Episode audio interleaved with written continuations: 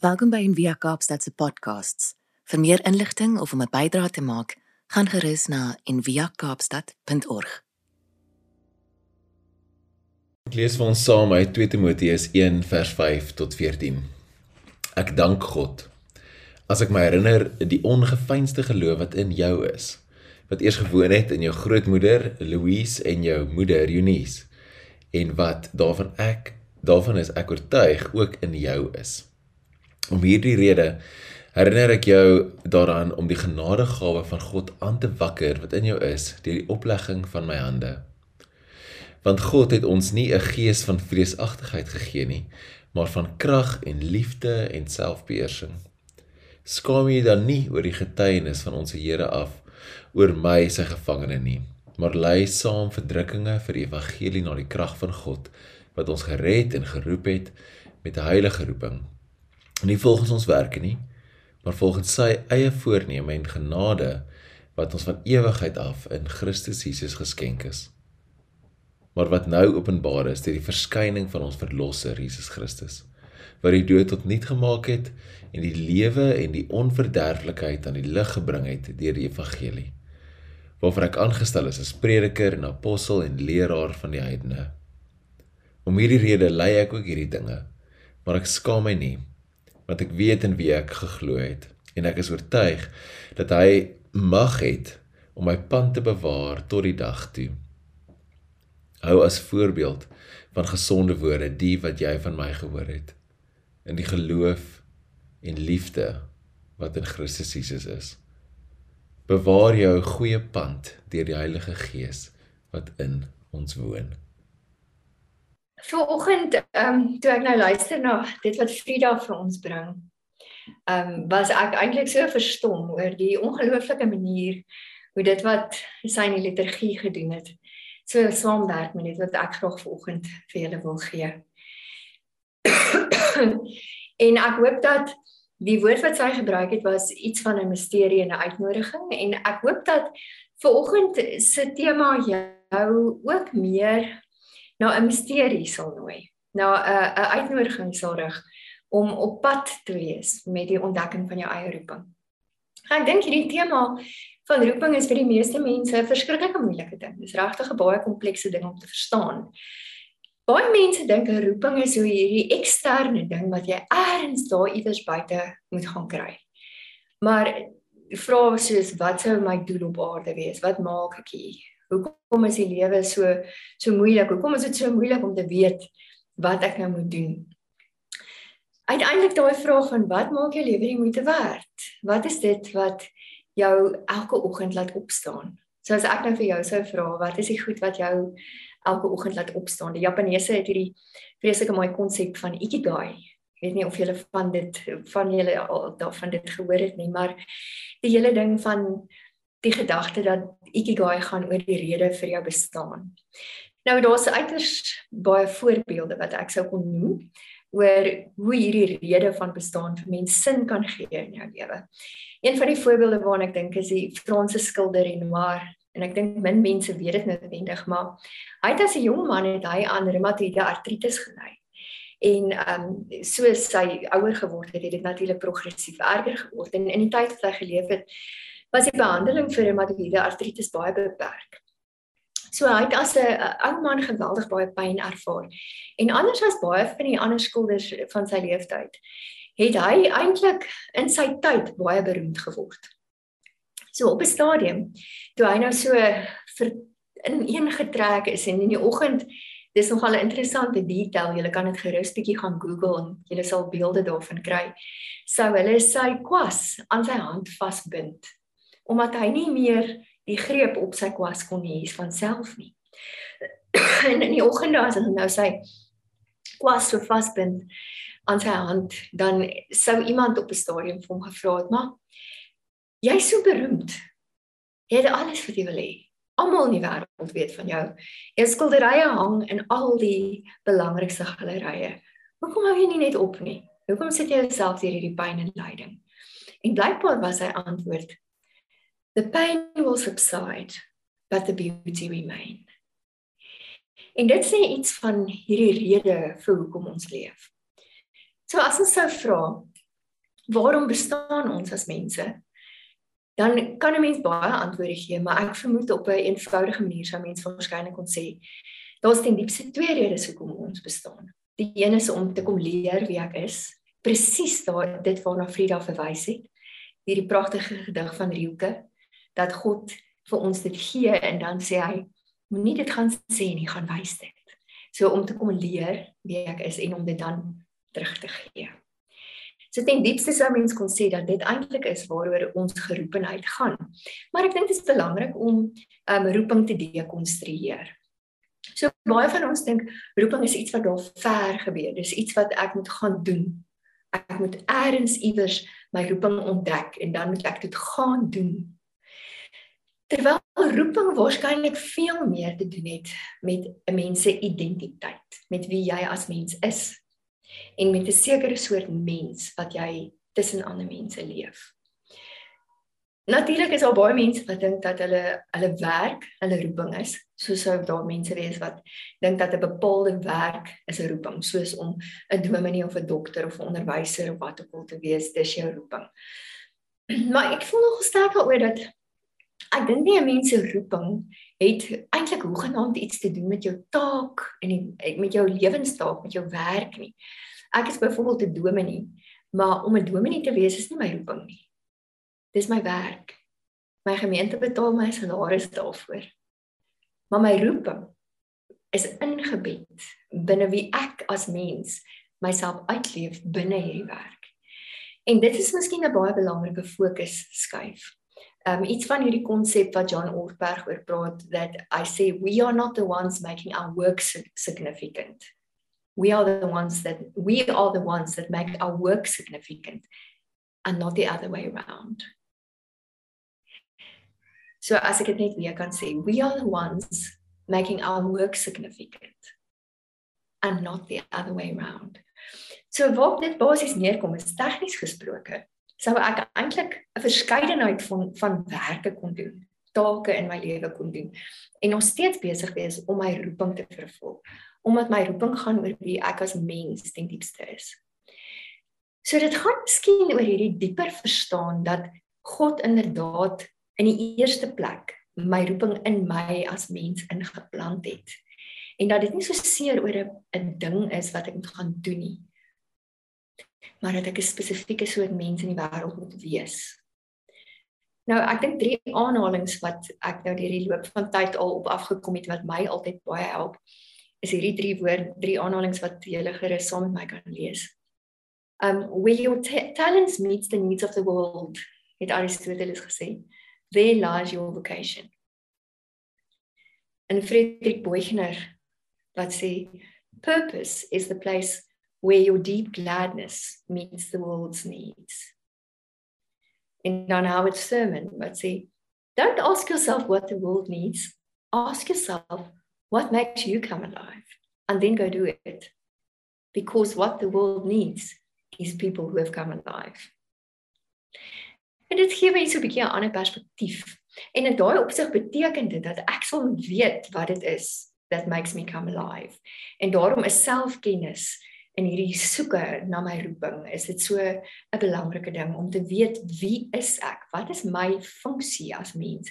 En om nie hier te dink aan 'n spesifieke taak of iets waarmee ek goed is nie, maar dalk sou iets soos 'n metafoor my kon kon help. Om byvoorbeeld iets te sê soos ek sien myself as 'n brug of ek beleef myself as 'n vroedvrou of ek sien myself soos 'n waterpyp sê iemand nou die dag vir my. So iets van hierdie dieper taak wat ek het. As ek byvoorbeeld iets van my eie persoonlike roeping kan ehm um, verwoord, dan sal ek sê my roeping behels iets daarvan om ruimtes te fasiliteer waar binne mense 'n dieper verhouding met God kan ontdek. En ek kan hierdie roeping op verskillende maniere uitleef en in in verskillende settings.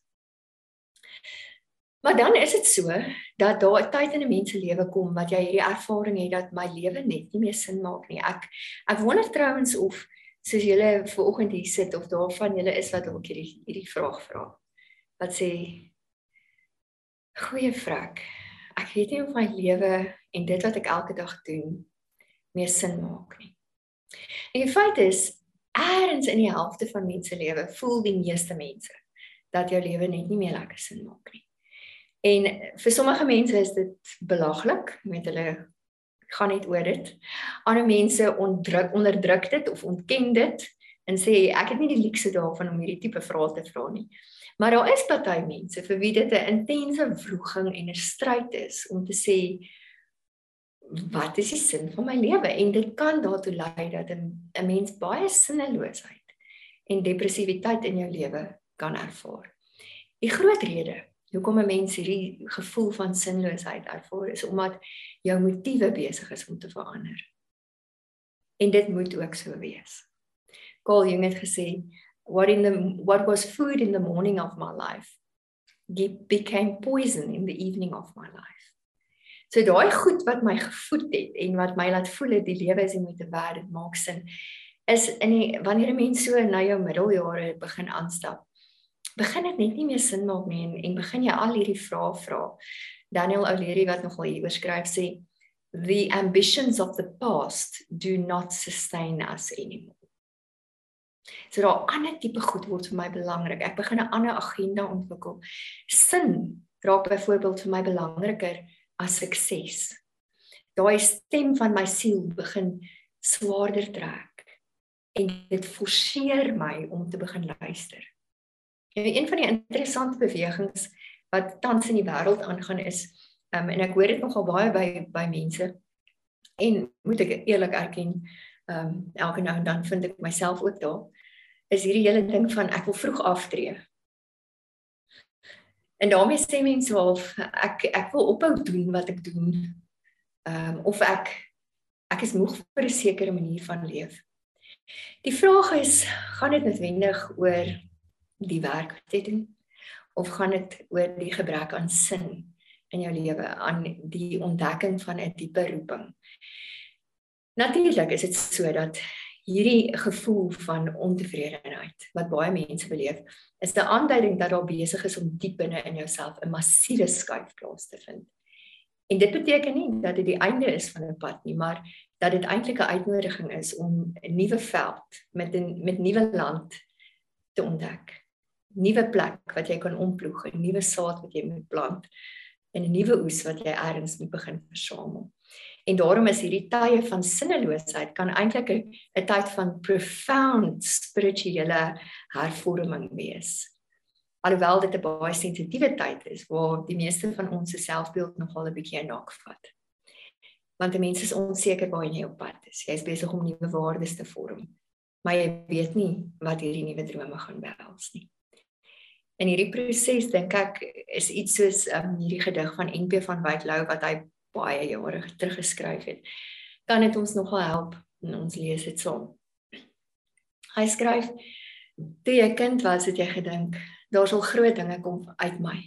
Grootes en goeies." Soos 'n seun moet dink natuurlik. En die groot is gesplits en die goeie nou en in plaas van net groot en net goed het daar verskriklikheid en eenvoud en boosheid en eenvoud en eenvoud en nederigheid. Gesprikkelde sampioene deur die teer uit die teer van die straat keiserlik rooi en wit by die breuk uit wat jy is kompeel die aarde is nie eenvoudig nie. Nou ek dink dis dis hierdie ontdekking van amper 'n diep ontnigtering wanneer ek die dag besef dat daar toe nou nie sulke groot dinge uit my gekom het nie. En ook nou nie sulke sulke goeie dinge nie. Maar dat ek in my lewe deur menslikheid gekenmerk word en dat daar gebrokenheid en verskriklikheid en boosheid en eenvoud en nederigheid in my is. En dis 'n baie groot moeilike ding as 'n mens op 'n stadium in jou lewe soos wat alle mense maar besef. Op 'n stadium besef dat ek 'n groot aandeel het aan die gebrokenheid in my lewe en dat ek soms die oorsaak is van pyn in ander mense se lewe. En daarom dan hierdie hierdie nuwe vars uitnodiging om juis wanneer 'n mens deur sulke tye in jou lewe gaan, anders te dink oor jou roeping. oor wie jy as mens veronderstel is om hier op aarde te wees. En dit bring ons dan by hierdie hierdie teks uit wat ons ver oggend lees. 2 Timoteus 1 vers 5 tot 14. Peer het dit vir ons gelees en ek wil dit graag net weer lees. Ek lees dit bietjie uit 'n ander vertaling. So hoor hoor bietjie hoe praat Paulus en jy en mens hoor dit so half implisiet tussen die lyne. Hoe praat Paulus met Timoteus oor hierdie diep liggende roeping? Hy skryf aan hom en sê ek dink aan jou opregte geloof, dieselfde geloof wat al in jou ouma Louise en jou ma Eunice was en wat daarvan is ek oortuig ook in jou is. Om hierdie rede herinner ek jou daaraan dat jy die genadegawe wat God jou gegee het toe jy die hande toe hy ek jou die hande opgelê het soos 'n vuur weer moet aanblaas. Die gees wat God ons gegee het, maak ons immers nie lafhartig nie. Maar vul ons met krag en liefde en selfbeheersing. En dan sê hy jy moenie skaam wees om die boodskap van die Here te verkondig nie en moet jou ook nie skaam vir my wat om sy ontwil gevangene is nie. Inteendeel, dra jou deel van die ontberings vir die evangelie met die krag wat wat God jou gee. Hy het ons geroep en ons gered om aan hom toegewy te wees. En dit het hy gedoen nie op grond van ons dade nie, maar op grond van sy eie besluit en die genade wat hy van ewigheid af in Christus aan ons geskenk het. Nou, ek dink dis 'n paar belangrike goed wat mense in hierdie in hierdie teks kan aflei. Een van die heel eerste goed is dat my roeping in Frida het dit ook genoem is nie iets wat by my begin nie. Dis iets wat by God begin. Dit kom van God af en word aan my gegee as 'n uitnodiging om te kom deelneem aan God se droom in die wêreld. En dis die eerste ding wat ons moet raak sien wat Paulus vir Timoteus sê. Dan sien ons ook in vers 5 tot 6 dat ehm um, Timoteus se oomf waarskynlik bietjie opgeraak het. Want Paulus sê vir hom om hierdie genadegawe weer soos 'n vuur aan te blaas. So mense sien amper hoe sy sy vuurtjie begin kwyn. En dan sê hy: "Kom Timoteus. Die gees wat in ons is, is 'n gees van krag en liefde en selfbeheersing." In vers 8 sien ons so 'n bietjie iets van hierdie ontnugtering met die lewe en met die agenda van mense ego. Ehm um, die onwilligheid. Maar mense iets iets van daai onwilligheid wat mense by Timoteus bespeer. En miskien was sy motiewe verkeerd. En hierdie is 'n baie belangrike ding wat ons hier in hierdie teks raak lees. 'n Mens kan besig wees om die regte ding te doen vir die verkeerde redes. Jy kan die regte goed doen. Jy kan besig wees om die regte goed, maar jou motiewe kan verkeerd wees. In vers 9 tot 11 en dis eintlik relatief duidelik as mens daai daai teks lees, sien mens dat Paulus sê ons het eintlik almal net een taak. En ek vermoed dit sit nie altyd so lekker in ons nie want party van ons voel ons ek het 'n spesiale taak. Ek het 'n baie spesifieke taak, maar eintlik het ons as gelowiges net een werk. En dis 'n baie algemene taak waarvoor alle gelowige mense geroep word. Maar hoe hierdie vuur van God se roeping aan die brand gesteek word in my lewe is baie uniek. Dit laat my dink aan Catherine van Siena wat gesê het if you are what you should be you will set the world on fire. En dis vir my altyd so mooi dat sy sê wees net wie jy veronderstel is om te wees en jy sal die wêreld aan die brand steek. En dan vers 12 tot 13 is die woorde wat daar opvul is woorde soos in stand hou en bewaar. En dat dit God is wat ons roeping in stand hou, maar dat ek dit op my unieke manier moet laat realiseer. Nou wat hierdie impliseer is dat elkeen van ons het 'n verskriklik klein rolletjie om te speel. En dink 'n bietjie daaroor, nê, as oor 100 jaar van nou af gaan niemand eers meer jou naam ken nie. Niemand gaan weet wie jy was nie. En dit is nog altyd as as ek dit net weer onthou, it cuts me down to size want ehm um, daar's daar's 'n werklike kans dat oor 100 van jaar van nou af het wie ek is en my hele lewe waaroor ek so sterk voel op 'n manier in die vergetelheid verdwyn. Nou ons hierdie besef dat ons is weglaatbaar klein. Maar elkeen van ons het 'n verskriklike belangrike funksie om te vervul in hierdie groter spinnerak van God se realiteit. So ek is dalk 'n baie klein deeltjie van die spinnerak, maar elke beentjie van die spinnerak vorm uiteindelik die geheel. En as ek nie my werk doen en my verantwoordelikheid nakom nie, dan is daar gate. Dan kan dit die groter realiteit nie funksioneer soos wat dit moet nie. En miskien is dit juist een van die dilemma's dat ons op 'n stadium vergeet het dat al is ons weglaatbaar klein, het elkeen van ons 'n verskriklik belangrike taak. Cynthia Bourgeau sê op 'n stadium rondom dit wat in die wêreld aangaan op die, op hierdie punt, sê sy we were sleeping at the post. That is why we wandered off course. En miskien is dit een van die dilemma's is dat ons nie noodwendig besef dat ons 'n verskriklike belangrike rol het om te speel in hierdie groter geheel nie. 'n Baie pertinente voorbeeld wat ek graag wil noem is ek praat nou die dag met iemand en mense kan natuurlik nou baie daar debatteer of jy nou saamstem met hierdie persoon se opinie of nie. Maar hy sê een van die groot redes hoekom daar op hierdie stadium in Europa 'n bepaalde etiese bewussyn is oor hoe mens nie met mense maak nie. Hoe jy nie met mense omgaan nie. Is nie so seer as gevolg van die ontwikkeldheid van ehm, 'n um, sekere Europese bewussyn nie. Maar dit is die resultaat van meer as en op daai stadium dan met die tyd van die reformatie, maar kom ons sê 1500 tot 2000 jaar se Christen bewussyn in 'n groter samelewing. 'n Samelewing waar mense dag vir dag in hulle doodgewone klein lewetjies 'n lewe geleef het wat gesê het so maak ons as God se mense en dat daai consciousness, daai bewussyn van die evangelie van Christus so kollektief deel geword het van 'n bepaalde kultuur dat dit vandag ondenkbaar is dat hulle eintlik op 'n ander manier kan funksioneer en op 'n ander manier met mense maak. So op hierdie manier word elkeen van ons met ons klein lewens eintlik draers of geleiers of kanale van God se teenwoordigheid. Nou wat dit impliseer is as ek 'n kanaal of 'n geleier is van God se teenwoordigheid, dan is ek soos 'n hotspot waardeur God se gees dit wat vir God belangrik is in die wêreld laat invloei. Ek word 'n hotspot waardeur die wifi van die vrug van die gees in die wêreld ingestoot word. En 'n mens sou kon praat van hierdie vrug van die Gees as God se universele voedingsstowwe of as God se kosmiese nutriënte.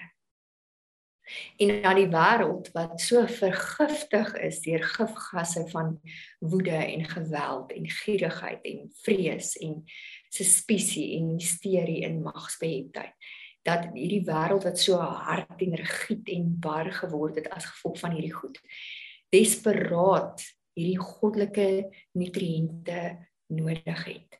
En die enigste manier hoe hierdie universele voedingsstowwe of hierdie goddelike nutriënte in die wêreld inkom is deur my. En waarvan praat ons as ons praat van God se universele voedingsstowwe of goddelike nutriënte? Ons praat van dinge soos en ek seker julle gaan dit herken. Liefde.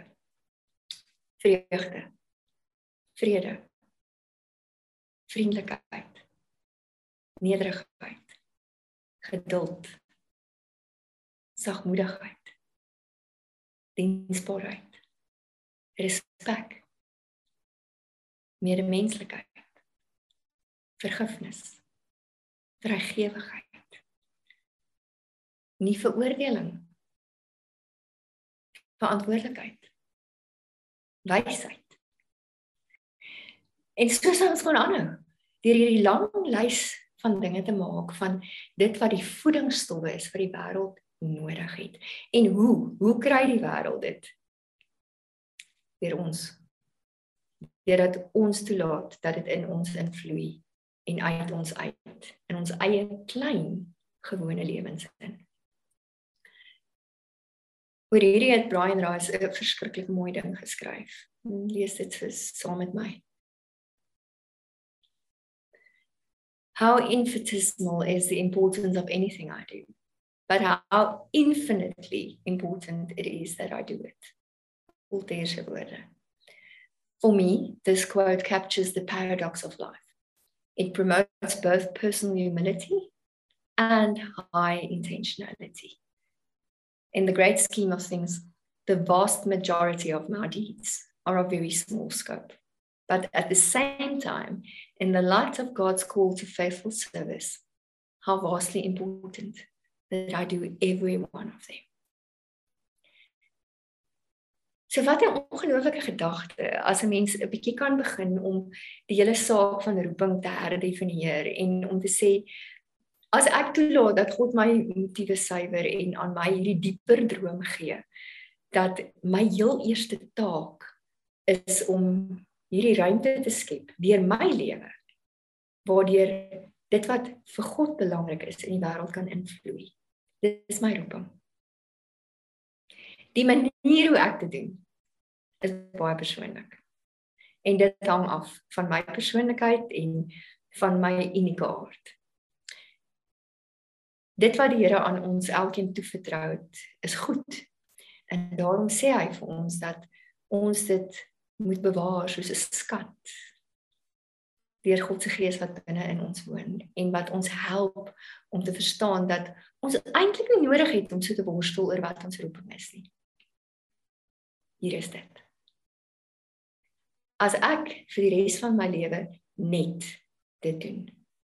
Net hierdie hotspot is waardeur die goddelike nutriënte wat hierdie wêreld so nodig het hier invloei en dit op my unieke manier doen met my unieke persoonlikheid dan het ek my roeping vervul.